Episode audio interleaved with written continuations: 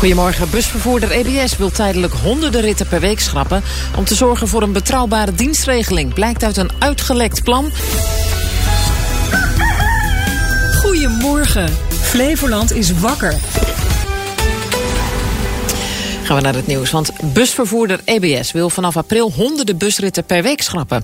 Blijkt uit een document dat Omroep Flevoland in handen heeft gekregen. Vakbond CNV en ook reizigersorganisatie Rover bevestigen dat het gaat om een voorstel van EBS. Ja, want het plan is nog niet definitief. Dat legt redacteur Tom Bolhuis uit. De nu gelekte documenten zijn een voorstel van EBS.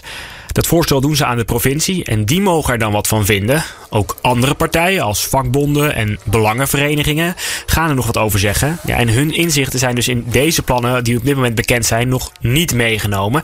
En er kunnen dus nog dingen worden gewijzigd. Ja, en die nieuwe plannen voor een tijdelijke dienstregeling moeten er komen omdat het niet goed gaat met het busvervoer in Flevoland.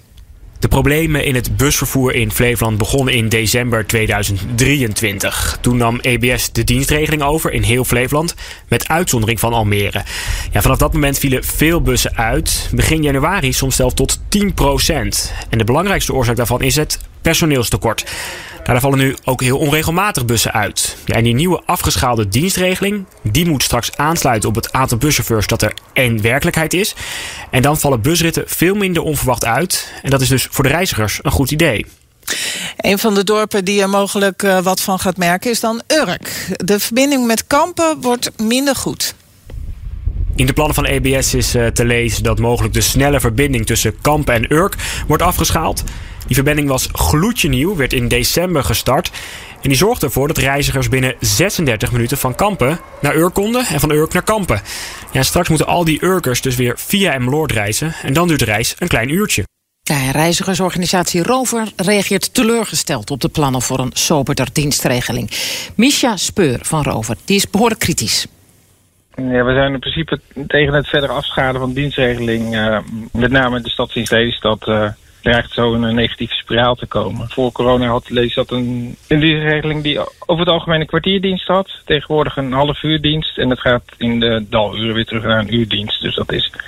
Lelystad is een stad die wel een, een ja, qua grootte wel een dienstregeling verwacht van een kwartiersdienst. De trein rijdt ook een kwartier. Maar de reiziger is natuurlijk ook gebaat bij een dienstregeling die uh, duidelijk is. Aan de huidige gatenkaasdienstregeling uh, heeft de reiziger ook niks. Dus eigenlijk moet er ook een verbeterplan liggen waar EBS aan moet werken om de dienstregeling weer op orde te krijgen zoals we dat bij de aanbesteding hebben aangeboden.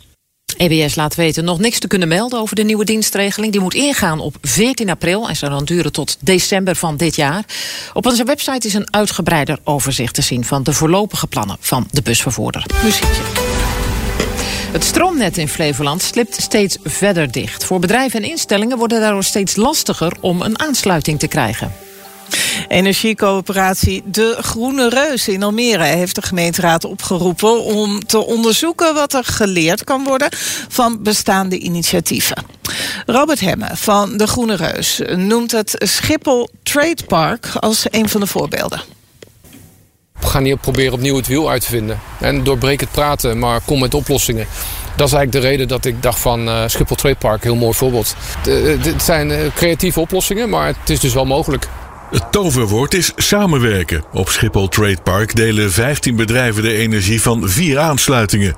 Een aansluiting is gebaseerd op piekmomenten van energie. Op veel andere momenten is er volgens Wouter Witkamp, projectmanager van Schiphol Area Development Company, juist energie over.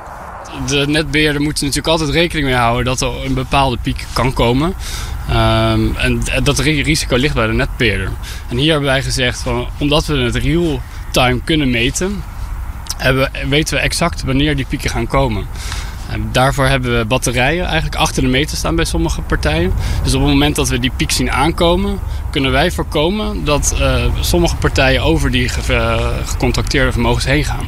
Het is een collectief duurzaam energiesysteem met een virtueel net waarbij het verbruik van alle bedrijven wordt bijgehouden. Er wordt gekeken waardoor piekmomenten veroorzaakt worden en of er iets aan te doen is. Met die partijen gaan we dan in gesprek van wat gebeurde er toen achter de meter bij jullie. Uh, zijn dat bijvoorbeeld koelsystemen die aangaan of zijn het vorkheftrucks die in de uh, docking worden gezet. Om zo met die partijen te kijken van hoe kunnen we daar slimmer mee omgaan. Uh, bijvoorbeeld door tijd, tijdschakelaars op de docking stations te zetten van uh, voorkeftrucks. Daarmee kunnen we de piek verschuiven naar in de avond of naar de nacht. en dan heeft iedereen wel weer een volle voorkeftruck in de ochtend. De batterijen die op piekmomenten worden ingezet, worden voornamelijk gevuld met stroom van zonnepanelen die op veel bedrijven liggen. Tot nu toe werkt het heel erg goed, gelukkig. uh, en als het eventjes niet zou werken, dan hebben we ook backup. En dat houdt in dat we gasgeneratoren hebben over het terrein. En die zijn gelukkig nog niet uh, nodig geweest om echt bij te springen voor het uh, netwerk. Het Intercity Hotel was een van de bedrijven met een aansluiting. Zij delen hun energie omdat, volgens general manager Rob van der Beek, voor hun de komst van meer bedrijven ook belangrijk is. Hun piekmoment ligt in de avond. De gasten komen terug van een, uh, of een dag in de stad of uh, vanaf kantoor. We gaan s'avonds pas eigenlijk gebruik maken van de faciliteit in het hotel. Of het nou de sauna is of de airconditioning. Dus daar zit onze piek van stroomverbruik. Dus dat komt mooi overeen met het verbruik overdag. Wanneer wij capaciteit over hebben in ons energiecontract. Ehm, kunnen wij dat leveren aan het park. En s'avonds zijn zij de bedrijven dicht. En kunnen wij daar weer gebruik van maken. Deze constructie zou op veel plekken kunnen worden toegepast. Volgens Wouter Witkamp van Schiphol Area Development Company ook in Almere. Ik zou het zeker uh, aanbevelen om, uh, om over te stappen naar een duurzamere manier om uh, met z'n allen energie te delen. Robert Hemmen was dat van Energiecoöperatie De Groene Reus in Almere. Gaan we naar wat we gisteren hadden kunnen zien op uh, televisie of horen op de radio. Een drugslab in een van de garageboxen is mogelijk de oorzaak van die explosie in een wooncomplex in Rotterdam vorige week. Emeritus hoogleraar Milieuchemie Pim de Voogd probeerde voor Nieuwsuur te ontdekken of hij aanwijzingen zag voor een drugslab tussen de puinhopen. Nou, eerst hier paar jerrycans, uh, met, uh, typisch voor chemicaliën bedoeld. En hier zie ik dat er twee, ik denk industriële mixers uit het uh, puin worden gehaald. En dat zijn wel typisch attributen die gebruikt worden bij de synthese van uh, synthetische drugs. Ja. Wat voor drugs moeten we dan aan denken als u dit ziet? Ecstasy of amfetamine. Ja, als je nou zelf in de buurt woont van een verdacht huis... dan kun je er zelf achter komen of daar een drugslab in de buurt is. De voogd vertelt waar je dan op moet letten. De belangrijkste aanwijzing is stank. De geur van die chemische oplosmiddelen die er worden gebruikt... die, die, die komt gewoon vrij. Uh, en ze moeten dat laboratorium ventileren, want anders krijg je dus het probleem dat het in het laboratorium zelf te veel chemische damp hangt. Maar die ventilatie die gaat de lucht in en dat kun je ruiken soms. En hoe ruikt dat dan? Nou, dat ruikt een beetje, uh, het is een beetje anijsachtig uh, geur. Het hangt een beetje vanaf welke stoffen natuurlijk gebruikt zijn. Maar dat zou een aanwijzing kunnen zijn. Het radioprogramma Even Blij en Dijkstra ter plekke was in de Zuid-Hollandse gemeente Westland. Die gemeente is de afgelopen tijd in het nieuws geweest vanwege de spreidingswet. Westland gaf via een motie aan niet bij te kunnen dragen aan de nieuwe wet. Peter Duisens van de partij Westland Verstandig stemde in de gemeenteraad voor die motie. Volgens hem gooit de landelijke politiek problemen bij gemeenten over de schutting. En dan mag je als gemeente daar ook iets van vinden. En in Westland vinden we daar iets van. Wat vinden we? We zeggen allereerst, er is geen draagvlak onder onze bewoners. We daar ook dat drie vierde van de gemeenteraad voor de motie gestemd heeft om aan de Tweede Kamer duidelijk te maken dat het een slechte wet is. Mm. En uh, in de tweede plaats, waarom is er geen draagvlak? Niet omdat we die mensen niet mogen. Nee, dat draagvlak is er omdat we geen ruimte hebben voor die mensen. En dat laatste wordt natuurlijk een beetje belachelijk afgedaan buiten Westland. Maar het is echt zo. Ja, maar dat roepen al die gemeenten natuurlijk. En, en ja. als je dan zegt er is geen draagvlak, ja, je bent er als gemeente toch voor om dan draagvlak te creëren. En ze zullen wel moeten, ja. Ja, nou ja, het uh, betekent niet dat ze helemaal niet willen helpen. Alleen voor asielzoekers is geen plek, zei Duizends. Begin vorig jaar is in 2023 met het Rijk de afspraak gemaakt van wij gaan versneld gaan wij statushouders opvangen. Dat hebben we keurig gedaan. dus in, we hebben in een mum van tijd hebben we 200 statushouders opgevangen. Daarmee te Apel op dat moment ontlastend. Want dat waren mensen die daar zaten en snel weg hmm. moesten. Alleen we hebben gezegd van nou, wij willen geen asielzoekers. Dat zien we niet. Eh, dat, dat zien we niet tot de mogelijkheden om die te huisvesten. Nou, we willen op het gebied van die statushouders en op het gebied van Oekraïners willen we het nodige gaan doen. En dat, doen, en dat doen we ook. Oh, ze hebben dus eigenlijk wel plek, maar nou ja, met voorkeur voor. Ja. Dit is vreemd. Goed, dat waren ze. Een, uh, wat je gisteravond zo gemist hebt op radio en tv. Gaan we naar de sport van het afgelopen weekend. Almere City heeft vrijdagavond thuis met 2-1 gewonnen van Excelsior. City heeft nu 23 punten uit 20 wedstrijden. Verslaggever Martijn de Groot die sprak na afloop met een van de doelpuntenmakers van Almere City. Racing, eh, een hele belangrijke overwinning eh, op directe concurrent eh, Excelsior. Ja, jullie hebben hier echt naar deze zege gevochten hè, vanavond. Ja, eigenlijk wel. Vooral de tweede helft was het eh, wat meer een vechtwedstrijd. De eerste helft eh, speelde denk ik goed. Ook eh, aan de bal beter dan Excelsior. Creëerden we ook veel meer kansen.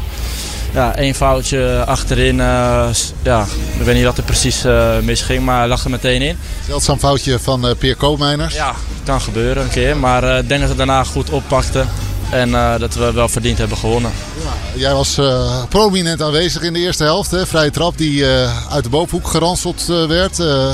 Je gaf een mooie paas op eh, ritmeester van de kamp die de paal raakte.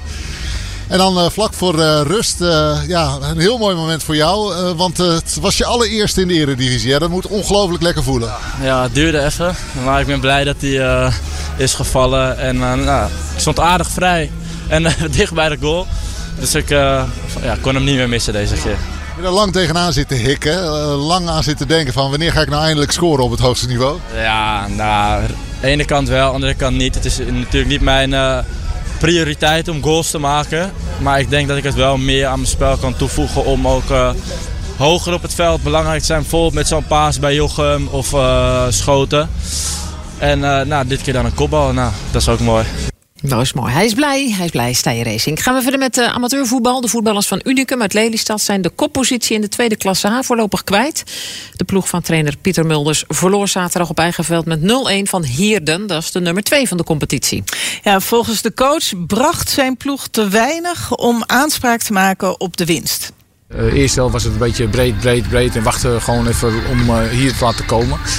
Maar de tweede helft hebben we veel meer vooruit gespeeld. En dan zag je ook dat we wel uh, wat kansen kregen. Maar we hebben niet dat je zegt uh, hele grote kansen gaat. waren wel schimmers voor de kool. hun hebben ook bijna niks gehad. Dus het was een beetje ja, een soort vechtvoetbal, vond ik. Vechtvoetbal, ja. Door de nederlaag neemt hier de koppositie van Unicum over. De Lelystedelingen moeten voorlopig genoegen nemen met de tweede plek. En dan tot slot badminton. Het is badmintonner Aram Mammoet voor de tweede keer op rij niet gelukt Nederlands kampioen te worden. De Almeerder verloor zondag in de topsporthal, net als vorig jaar, de finale van Joran Kwekel. Die Arnhemmer was met 2-1 te sterk voor Mammoet. Ja, het was eigenlijk precies hetzelfde als vorig jaar. Vorig, vorig jaar. Het eerste set was gewoon ja, kansloos. Daarna de tweede set begon ik wel gewoon prima te spelen en kwam ik weer terug. Heb ik wel goed gevochten eigenlijk. Uh, ja, en in de derde stond ik gelijk 5-0 achter. Dus ja, toen, uh, ja, tegen dit soort spelen kan je niet zomaar gewoon terugkomen. Uh, maar ja, hij speelde best wel goed. hij kon best wel ja, alles doen bijna. Dus het ging eigenlijk niet, net niet. Net niet. Aram Mahmoud. Hij kwam in 2015 als Syrisch vluchteling naar Nederland. Maar de Almeerder heeft sinds twee jaar ook een Nederlands paspoort. En hij zou voorlopig weer een jaartje moeten wachten op zijn volgende poging om Nederlands kampioen te kunnen worden. Tot zover de sport uh, van afgelopen weekend. Ja, dan gaan we naar het nieuws van over de provinciegrenzen. Ja. De komende jaren worden de verschillen tussen energierekeningen van verschillende mensen steeds groter. Dat blijkt uit onderzoek in opdracht van Energiemaatschappij Essent. Mensen met een energiezuinige woning betalen over 11 jaar zo'n 3000 euro per jaar. Dat is de verwachting. Maar bij huizen die niet verduurzamen, dus bijvoorbeeld nog een cv-ketel hebben, kan dat 800 euro extra zijn. Er zitten een paar dingen in. Een belangrijk stuk is de gas gasbelasting. Naarmate je meer gas verbruikt, stijgt ook het tarief van de belasting. En wat je bij iedereen ziet, zijn eigenlijk de kosten voor netbeheer. Die toenemen omdat we zoveel investeren met elkaar in het totale net in Nederland. De gasrekening zal de, de elektriciteitsrekening zal de komende jaren dus hoog blijven en niet terugkomen op het niveau van voor de energiecrisis. Essent hoopt daarom dat de gasbelasting en de netbeheerkosten omlaag kunnen. Valt mij eigenlijk nog wel mee dat verschil. Hè? Als je bedenkt wat je allemaal moet investeren om je huis energiezuinig te maken. En dan 800 euro. Nou, dat valt wel mee. Dat ja, dat maar dat is gemiddeld. Hè? Bij mij thuis is het 3600 denk ik of zo. Zonder dubbel glas nog. Oh. De, de, geen, geen vijf minuten douchen? Nee, nou dat gaan we wel doen. Ja. Oh, oké. Okay. Ja. Ja, je had het er al over, hè? Ja, radiomaker eh, Jan van Veen is overleden. Zijn stem kennen we natuurlijk van Candlelight... waar hij met zijn zware stem ingezonde gedichten voordroeg. Met op de achtergrond echt van die mierzoete vioolmuziek. En Van Veen deed dat programma meer dan 50 jaar. Elk gedicht wat gestuurd wordt naar dit programma wordt A. gelezen met respect behandeld. Want ik realiseer me heel goed dat elk gedicht wat ik ontvang... voor degene die het gemaakt heeft, zijn nachtwacht van Rembrandt van Rijn is. En of hij nou Wecht met een D of met een T schrijft... maakt mij niet zoveel uit, want ik spreek het op precies dezelfde manier uit. Ja, Candlelight was vooral te horen op Ra- Radio Noordzee en Sky Radio. Maar ook daarna bleef eh, Jan van Veen doorgaan. Drie jaar geleden bijvoorbeeld eh, was hij nog te horen... bij de lokale omroep van Almere. Jan van Veen werd 79 jaar. Ja, en dan nog een nieuwtje uit de kranten. Rusland heeft tientallen Syrische huurlingen gerekruteerd voor de oorlog in Oekraïne. Dat is gebleken uit een onderzoek van de Volkskrant. Het gaat om minstens 45 mannen.